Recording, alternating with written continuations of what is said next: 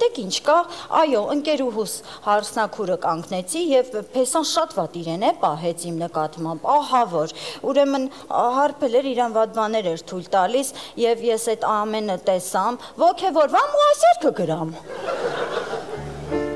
Դու հարբեցիր հարսանիքի տորը ու բարձրացրիր հարսնակրոջ շորը ձեր խցեցիր հարսնակրոջանը այդ օրվանից որտեղ բռնել ես քեզ կասեմ ապրես տղա ջան գիտես գիտես շատ լավ էր վաղուց նման բան չէր եղել վաղուց իրոք սեր աստծո այո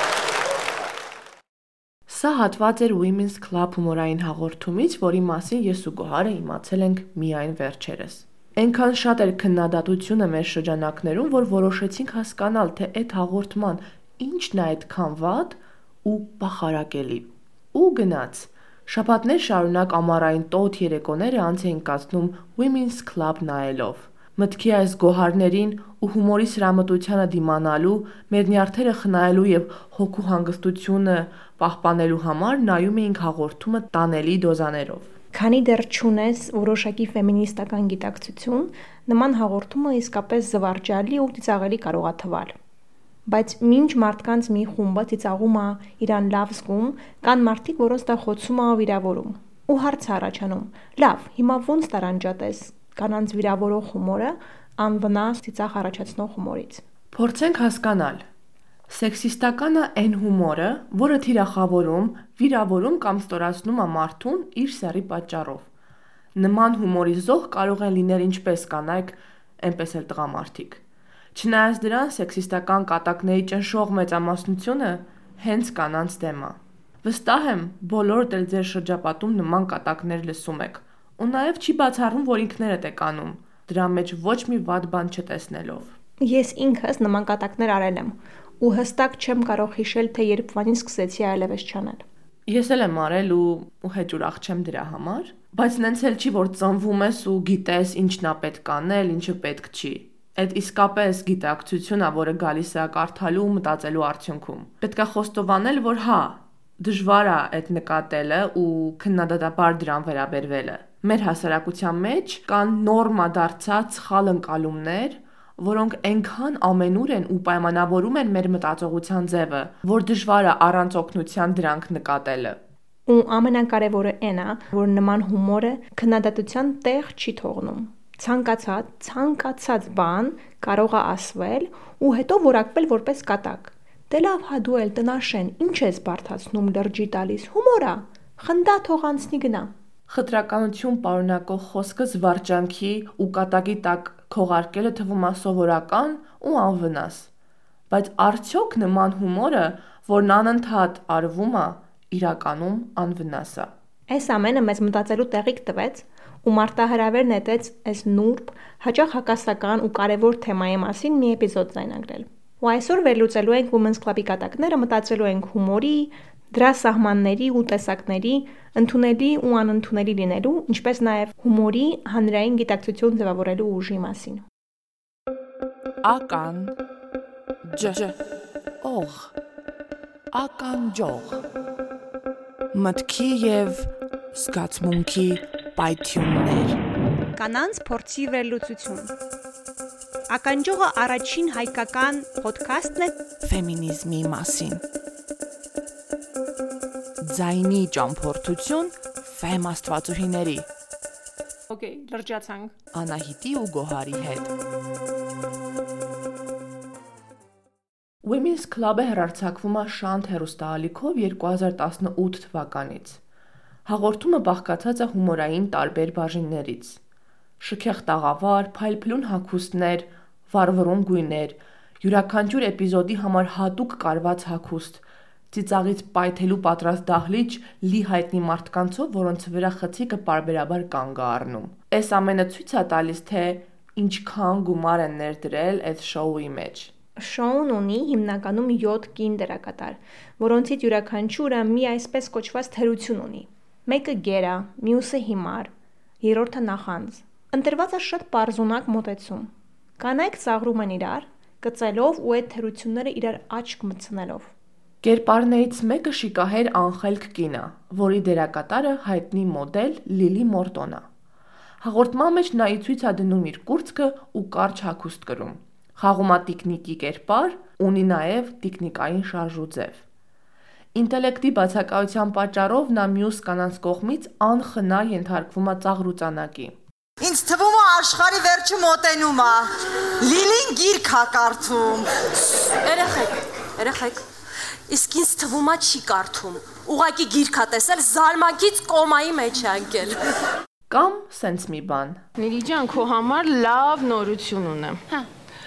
Աշխարհում արդեն սրտի, երիկամի, լյարդի փոխպատվաստում անում են։ Համբերի էլի ջանա, քիչ մնաց, քիչ մնաց։ Ինչի քիչ մնաց։ Դե հեսա ոնց էլ չնի ուղեղի փոխպատվաստում են անում։ Չհասկացա։ Այ եմ վաղ կսկսես հասկանալ։ Կատակները ծեծված են ու տափակ։ Երեխեք, ասում եմ, ինչի սամալյոտում սաղդ քնեցիք, իսկ ես չէ։ Որովհետև Լիլի մենք բոլորս քնաբեր ենք խմել, որ ուղեղներս անջատվի ու քնենք։ Համես Տոմա, ես էլ էի խմել, իմ ու ինչի չանջատվեց։ Որովհետև Լիլի անջատված բանը չի կարա մի անգամ էլ անջատվի։ Լիլի Մորտոյի կերպարը ծաղրվում է ոչ միայն անխելք լինելու, այլև կրծքի պլաստիկ վիրահատության համար։ Պատահական չի, որ հենց Լիլի Մորտոյին է բաժին ընկել անխելք կնոջ կերպարը։ Այստեղ են կարծրատիպ նշանակգործված, որ եթե կինը գեղեցիկ է կամ մեծ կուրծք ունի, ուրեմն խելացի լինել չի կարող։ Լիլի, նատուրի դու տես խաշպալեշիկ ես։ Հա, այ դա նատուրի, ինչ կա այդտեղ զարմանալու։ Չէ, Լիլ ջան, ուղակի խաշը կովի ոդքերից են դնում, ոչ թե սիլիկովի։ Կամ սա։ Երեխեք, իսկ կարող գնանք Արագածի դոշին ուտենք։ Ուշքու միտքներ մենակ դոշերն են, վայ։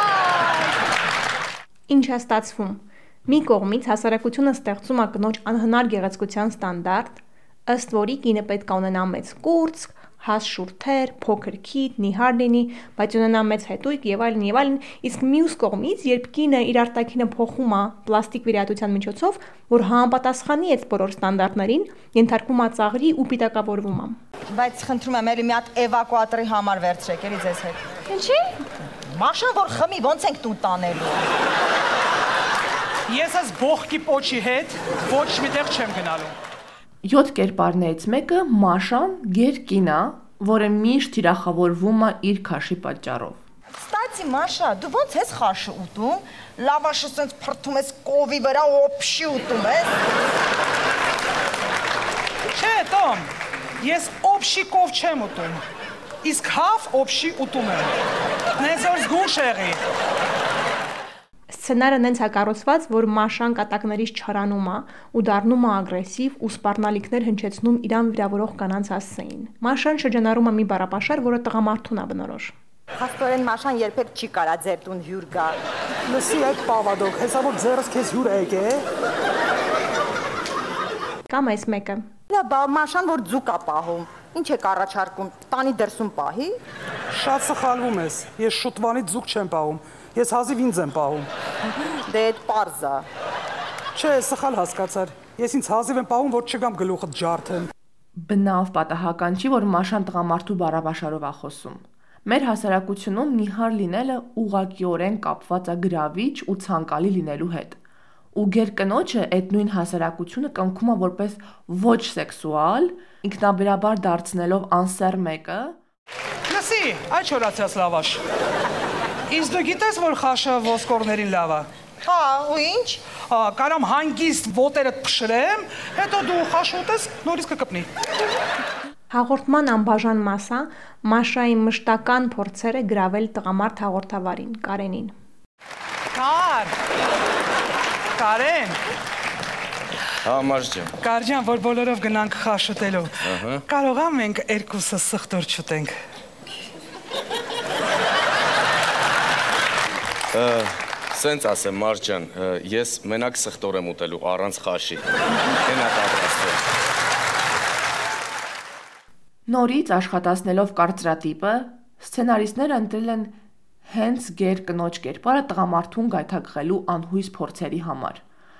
Հումորի հիմքում են թյուրընկալումն որ գերկինը չի կարող որևէ մեկին գրավել։ Դահլիճը պատրաստական ծիծաղում ան նրա վրա, թե ոնց Մաշան իր այսպես կոչված ոչ հմայիչ լինելուց անտեղյակ անդադար ֆլիրտ է անում տղամարդու հետ, իսկ տղամարդն էլ սրամի ձևերով մերժում է նրան։ Եթե մեկին ծաղրում են սիլիկոնների ու անխելք լինելու համար, մյուսին գիրության համար, երրորդին Լուիզային ծաղրում են տարիքի համար։ Օ, եկավ նորին ծերություն Լուիզա։ Ափսոս ինքը չի հասկանա մենք ինչից ենք խոսում։ Ու ինչից էիք խոսում դարմայեդներ։ Խոսում ենք Instagram-ից։ Իսկ դու մինչև հիմա երևի ICQ ես օգտագործում, չէ՞։ Ողջ հաղորդման ընթացքում կանայք անդադար մրցում են իրար հետ, ամրապնդելով են կարծրատիպը, որ այո, կանանց միջև ոչ մի սոլիդարություն եւ ընկերություն չի կարող լինել, որ կինը կնոջը հակառակորդ ու թշնամի է։ Հումոր կոչվածի հիմքում իրար վիրավորելը, անպատվելը, պիտակավորելն ու հեգնելն է։ Սցենար գրողների մտքի թռիչքը այլ տեսակի հումոր կառուցելու ուղակի չի հերիքել։ Փաստորեն ճիշտ են ասում էլի, որ Ստանիտեկը շարունակում է վատ աշխատել։ Դուք դեռ բեմի վրա եք։ Ահ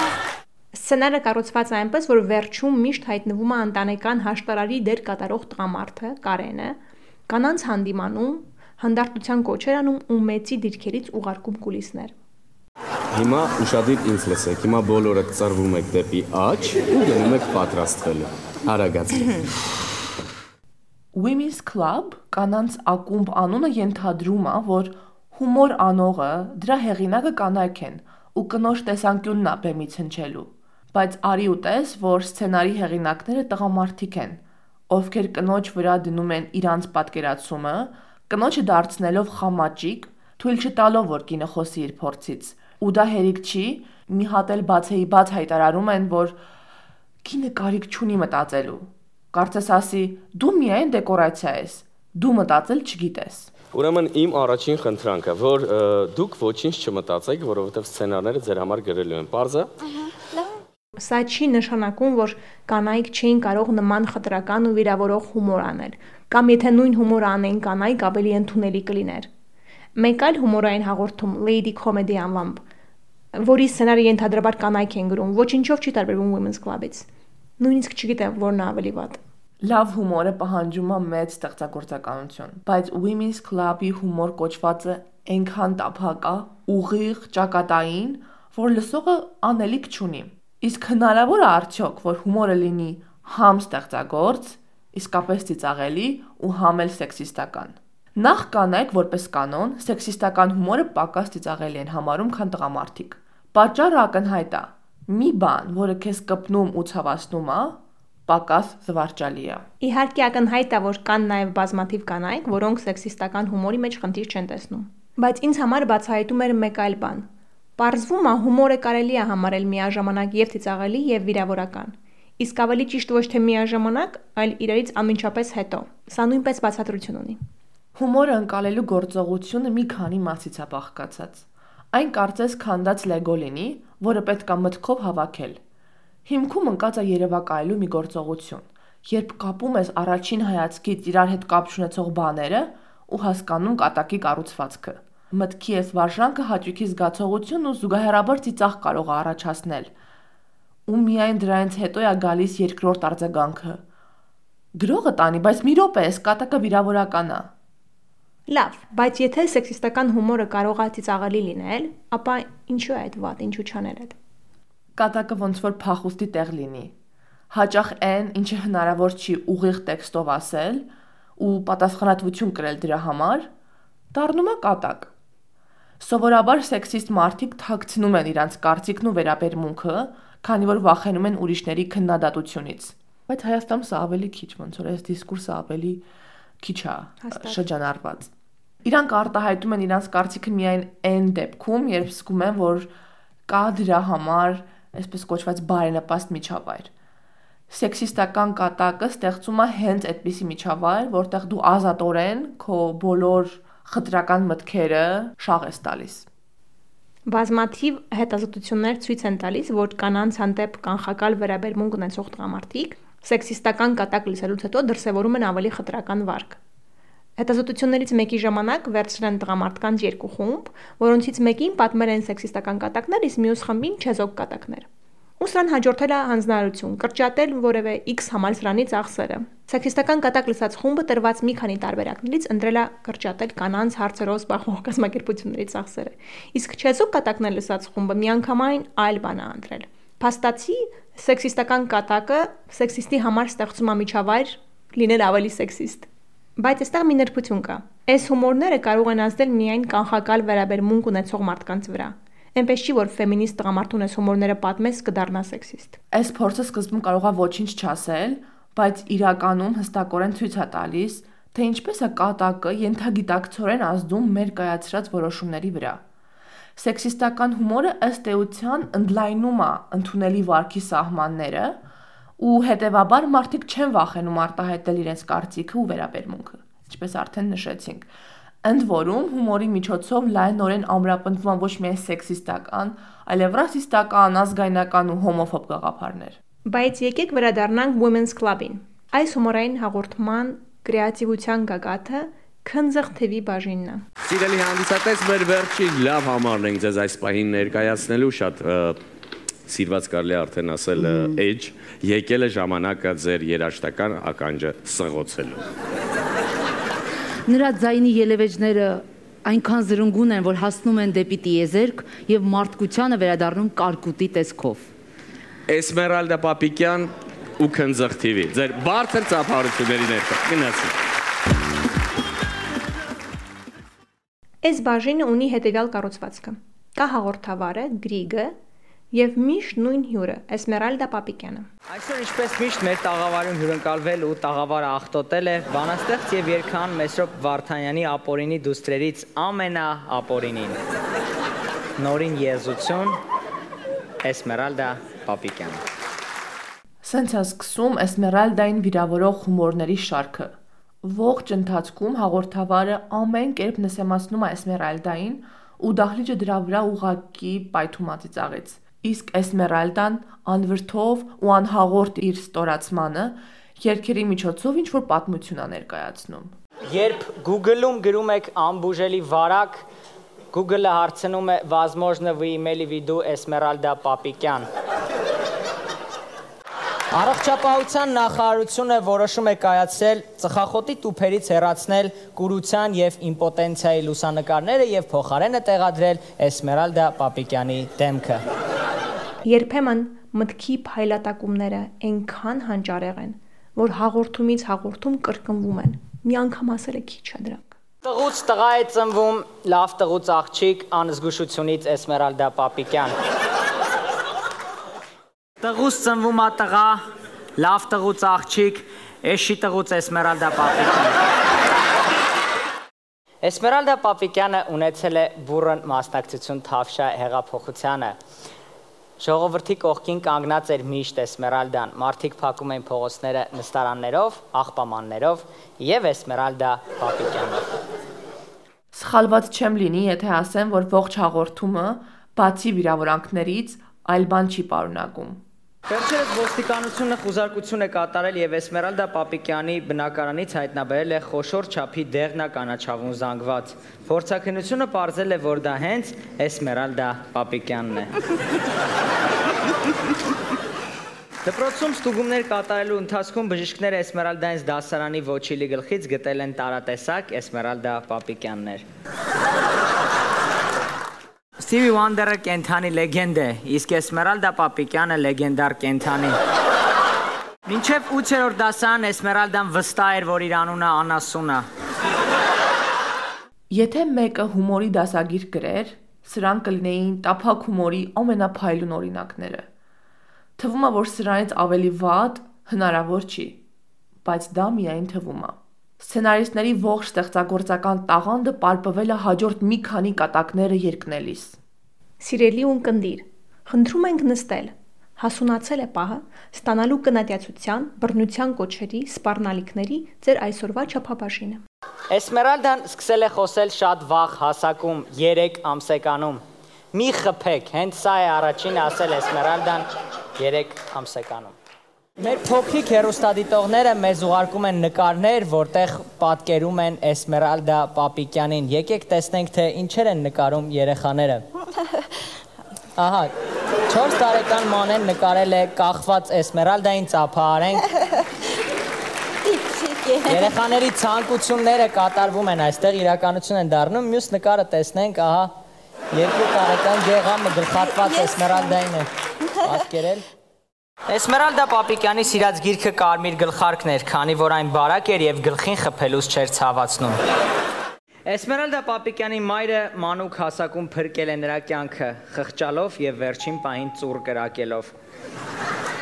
Քնձղ TV-ից անբաժան էին նաև բռնաբարության մասին կատակները։ 21 տարեկանում Էսմերալդային անհայտ անձիկ բռնաբարում են հենց Էսմերալդայի ցանկությամբ։ Էսմերալդայի բակի երեխաները մինչև 18 տարեկան Էսմերալդային ձեռ էին առնում, իսկ 18 տարեկանից հետո ձեռ էին գցում։ 8 տարի առաջ Էսմերալդան բակի տղաներին պատմում է, որ իրեն բռնաբարում են։ Տղաները բանի տեղ չեն դնում ու շարունակում են բռնաբարել։ Բավական է հիշել բռնության ձայնը շարժման բազմաթիվ պատմություններ, հասկանալու համար, որ նման կատակները հեչ ծիծաղելու չեն։ Women's Club-ի դեպքում դրանք ոչ միայն ծիծաղելու չեն, այլ նաև վտանգավոր են։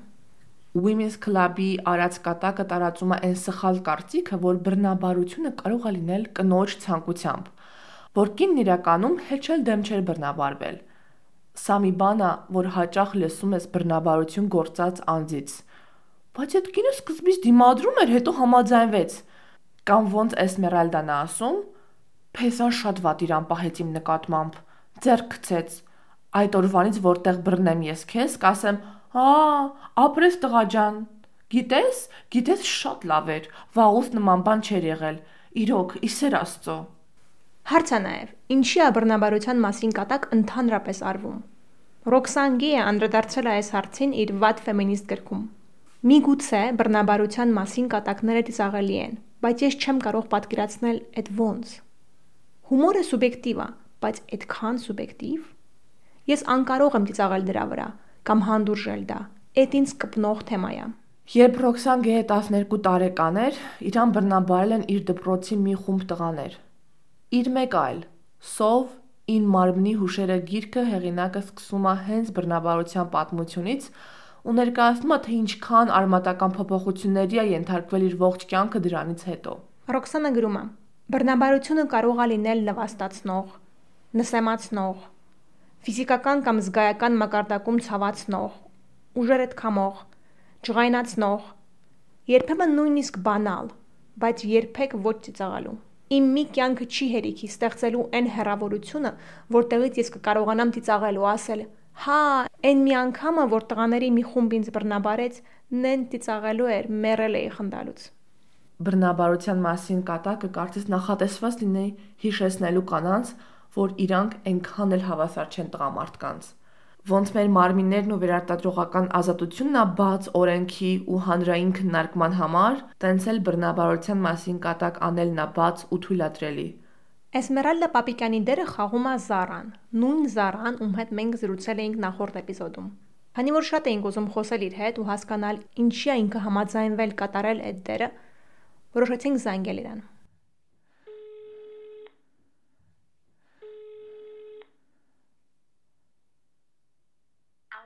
Ալո, Զարա ջան, բարև ձեզ։ Ձեզ Անահիտն ան հանգստացնում։ Մեր հերախոսային զրույցը կարճ տևեց։ Զարան ասաց, որ նման հումորը անձամբ իր համար ծիծաղելի չի,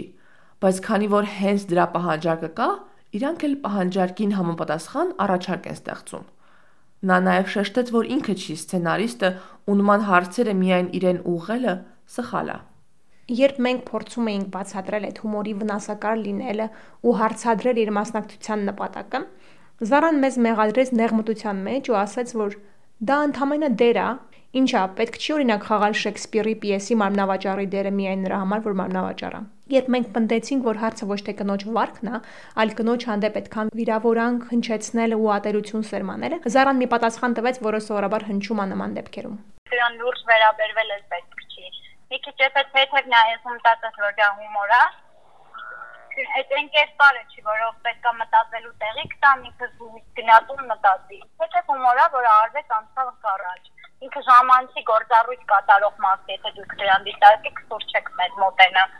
Ես հեռախոսը անջատեցի ու հասկացա, որ գրողը տանի։ Ձախուղեցինք, չկարողացանք իրար հասկանալ։ Չկարողացանք բացատրել մեր ասելիքը ու մտահոգությունը։ Կարող է խնդիրն էներ, որ հեռախոսով ենք խոսում ու սահմանափակ հնարավորություններ ունեինք։ Գուցե եթե հանդիպեինք ու դեմարդեմ խոսեինք, կիսվեինք մեր փորձով, պատմեինք խտրական վերաբերմունքի արժանանալու դեպքերից, գուցե զրույցն այլ կերպ ընթանար։ Երբ քննադատում ենք սեքսիստական հումորը, չենք ուզում, որ սխալ տպավորություն ստեղծվի, որ մենք հումորից զուրկ աստվածուհիներ ենք։ Անահիտը իմ իմացած ամենահումորաշատ էակներից է։ Աստվածային էակ ուղարկված Վեներա մոլորակից դարձի բերելու սեքսիստ հոգիներին եւ ապարգևելու հավասարության մեջ ապրելու կայֆը։ Լավ, եթե լուրջ ձեզ որպես գաղտնիք ասենք դարի բացահայտումը։ Ֆեմինիստները լավ էլ հումորի զգացում ունեն ու շատ հաճախ հենց հումորն է, որ օգնում է թեթևացնել բեռը ու առերեսվել են абսուրդի հետ, որի մեջ են կանայք։ Հայտնի բրիտանացի ավստրալիացի ֆեմինիստ Սարա Ահմեդը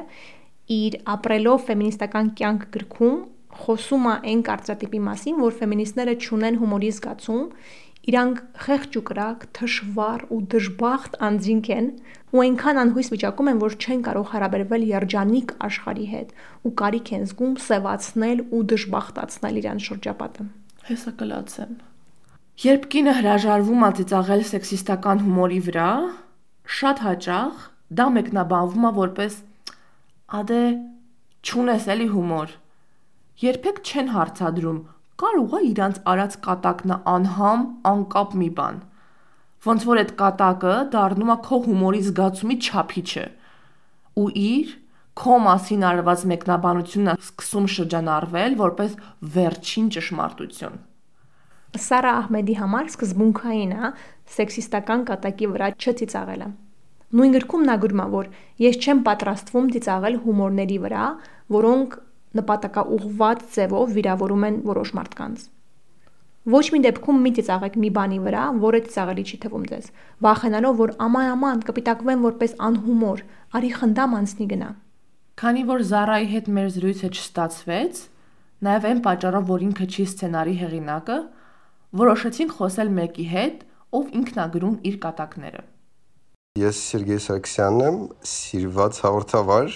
Իսկ ավելի կոնկրետ Arm-Comedy-ի համահիմնադիրը Սերգեյի եւ Նարեկի Arm-Comedy նախագիծը շատերն են ճանաչում ոչ միայն Հայաստանում, այլև դրա սահմաններից դուրս։ Շատ ուրախացանք, երբ Սերգեյը համաձայնեց մեզ հետ զրուցել։ Շատ երկիծաբաններ իրենց կարիերան կառուցել են նվաստացնող հումորի վրա, ինչ որ մի խմբի թիրախավորելով ու ծաղրելով։ Կարող ենք հիշել Դեյվ Շփելի կատակները տրանս համայնքի մասին, Որոշ եկեղեցաբաններ հավատում են, որ կա կատակի մի սահման, որը անցնել չի կարելի։ Մյուսները կարծում են, որ խոսքի ազատությունը նշանակում է, որ կատակ անել կարելի է ցանկացած թեմայի շուրջ։ Սերգեյին հարցրեցինք, թե ինքը որ խմբին է առավել հարում, հումորի որ տեսակն է իրան ավելի մոտ ու ընդունելի։ Երգիծանքի մեջ այո շատ կան արտիստներ, իրենց մեխը դա ինչ որ մի խմբի կյանքը ուտելն է, այսպես ասած։ Ես ինձ այնտեղ չեմ տեսնում հիմա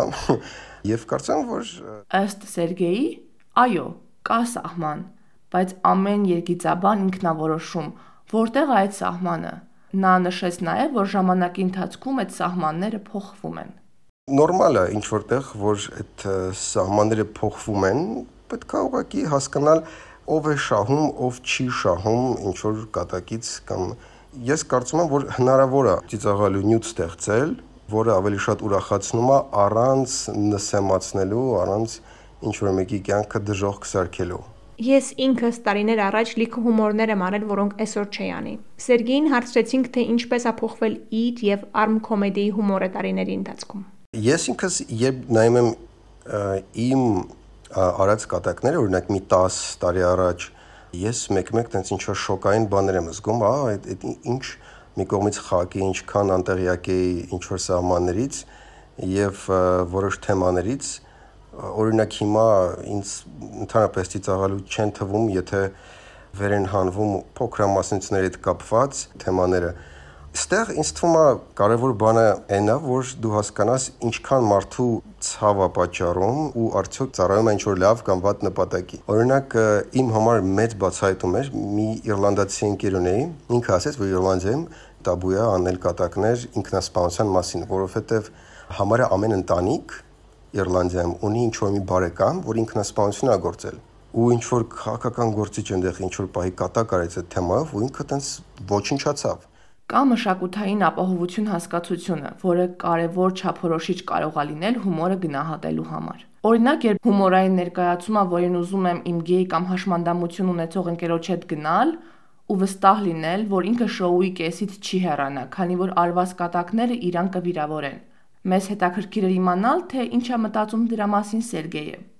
ցանկացած թեմա ինքը փակ չի, եթե դու կարողանում ես ձևակերպել նենց, որ հենց այն խմբին, որին նվիրված է, ոչ թե իրան ցավացնելու, այլ իր ցավը փարատելու կամ այդ ցավը նենց ուղությամբ տանելու, որ հասկանաս, որ նպատակը ոչ թե ուժեղացնումն է այդ այդ ցավի, այլ վերհանումը հումորի միջոցով։ Ի վերջո, հումորը ինքը կարա ցավազրկող լինել Նույն հայկական թեմաներից վերցնենք։ Մեր համար շատ զգայունա ցեղասպանության թեման։ Եթե դու այդ թեման շատ անզգուշ օգտագործես, բնականաբար շատ զգայուն թելերի կկպնես ու տենց backfire կլինի։ Բայց եթե դու այդ կոնտեքստը վերհանում ես նենց, որ ինչքան абսուրդ է այդ թեմայի հետևը պահկվելը, ավելի վատ բաներ անելու համար, ինչքան абսուրդ է հերքելը, ինչ որ հրեշական գործողություններ, որոնք ակնհայտ են, որ եղել են, ինչքան абսուրդ է, որ նու չգիտեմ, ինչ որ ազգային կոմպլեքսներ ձևավորել, որոնք թույլ չեն տա քեզ զարգանալ, ապա տենում ես, որ ոչ թե թեման էր խնդիրը, այլ ներկայացնելու ձևն էր խնդիրը ու այսօր էլ իմ կարծիքով տենց թեմա չկա, որը ուղակի տենց լրիվ փակ է։ Պետք է հասկանաս ինչի համար ես դա վերհանում, այդ թեման հումորի միջոցով վերլուծելու ու ինչ որ տենց երգիծական լուծումներ տալու, թե ընդհակառակ ավելի խորացնելու առումով։ Այսօր երկիծաբանները խոսում են երկու մոտեցման մասին՝ punching up ու punching down։ Առաջին մոտեցման համաձայն ծաղրի առարկա են դառնում սոցիալական էլիտան, քաղաքական գործիչները, ձեռներեցները ու այլ արտոնյալ համայնքներ։ Punching down հումորը թիրախավորում է սոցիալապես անապահով, սեռով եւ ազգային պատկանելիությամբ խտրականության ենթարկված խմբերի։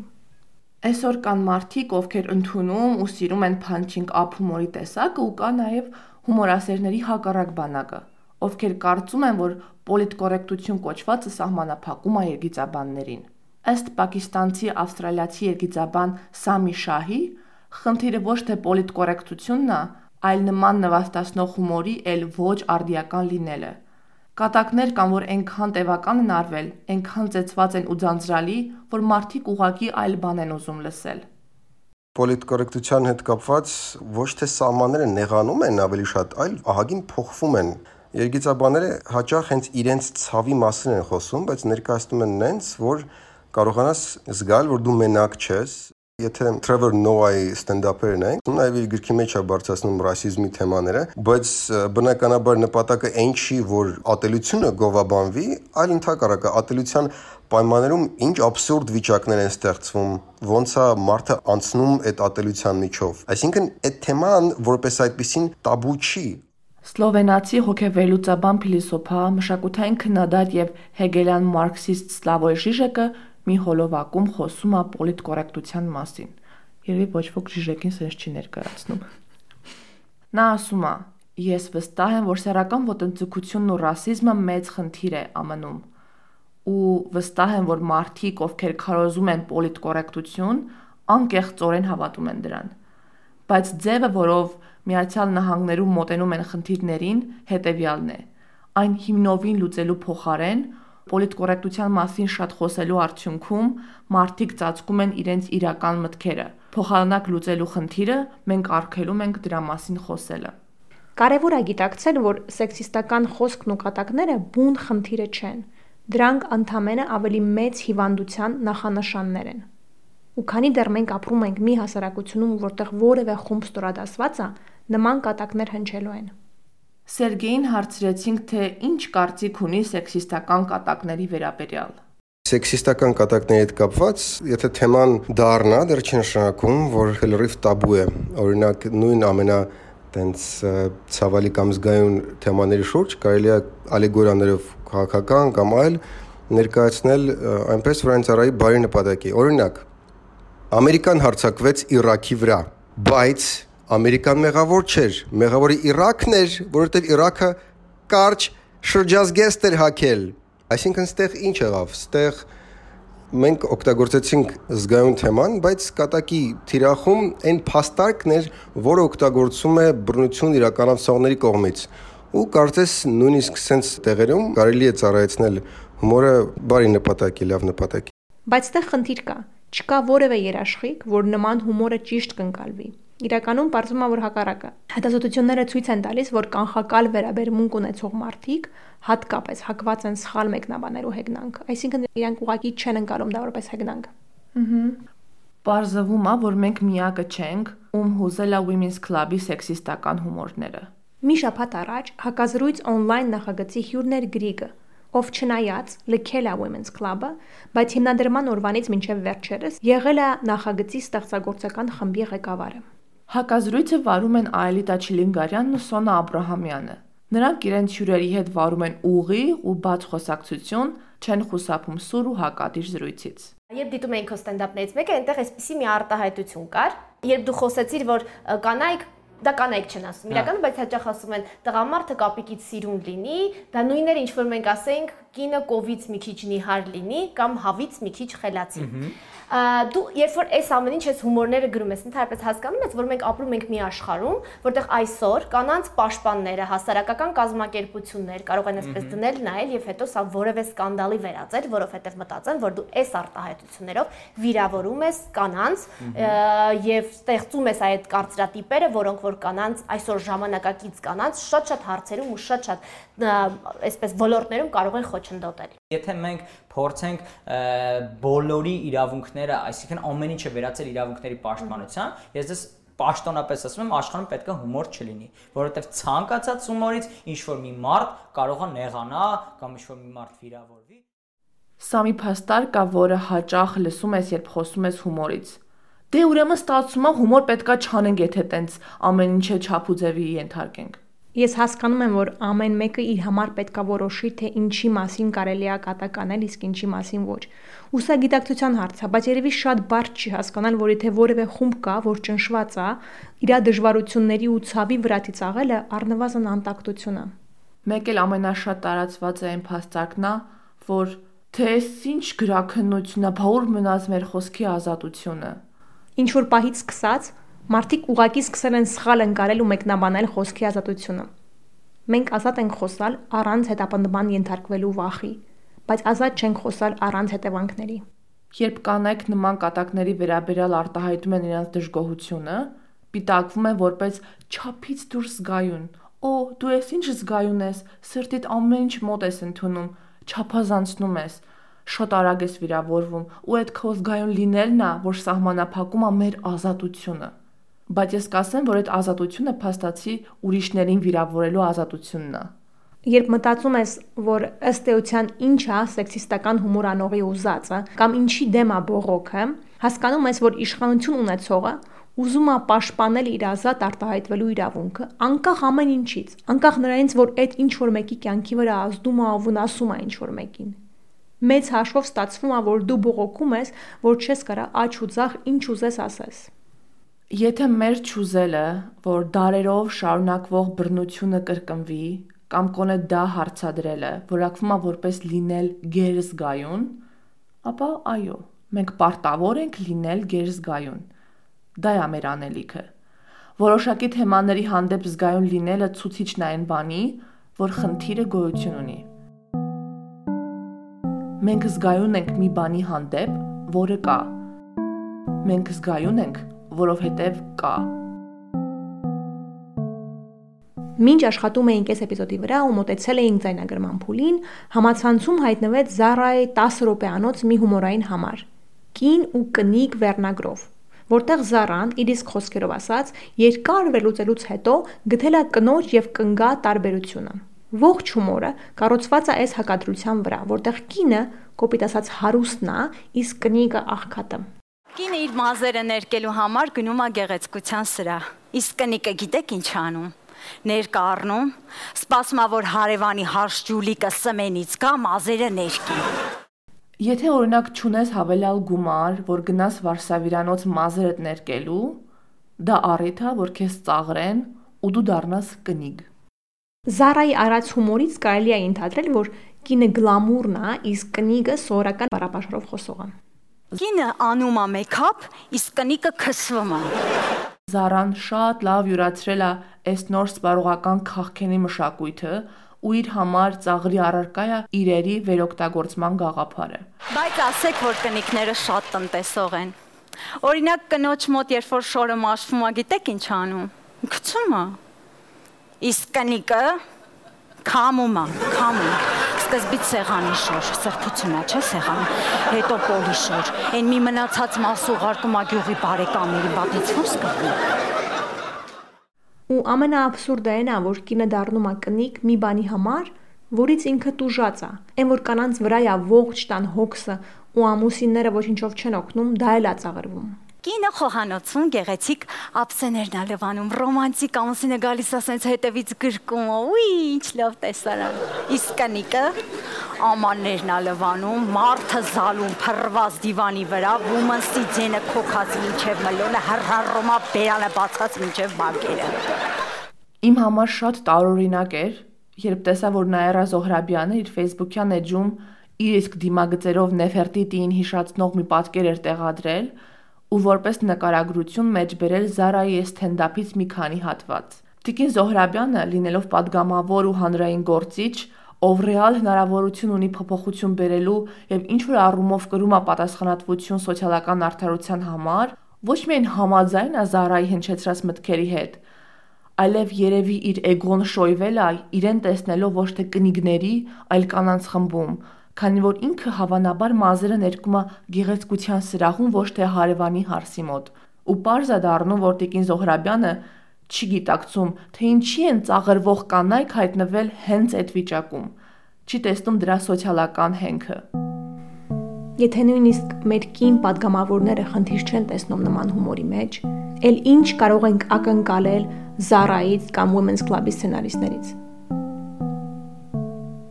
Ամեն ինչ շատ ավելի վատ է։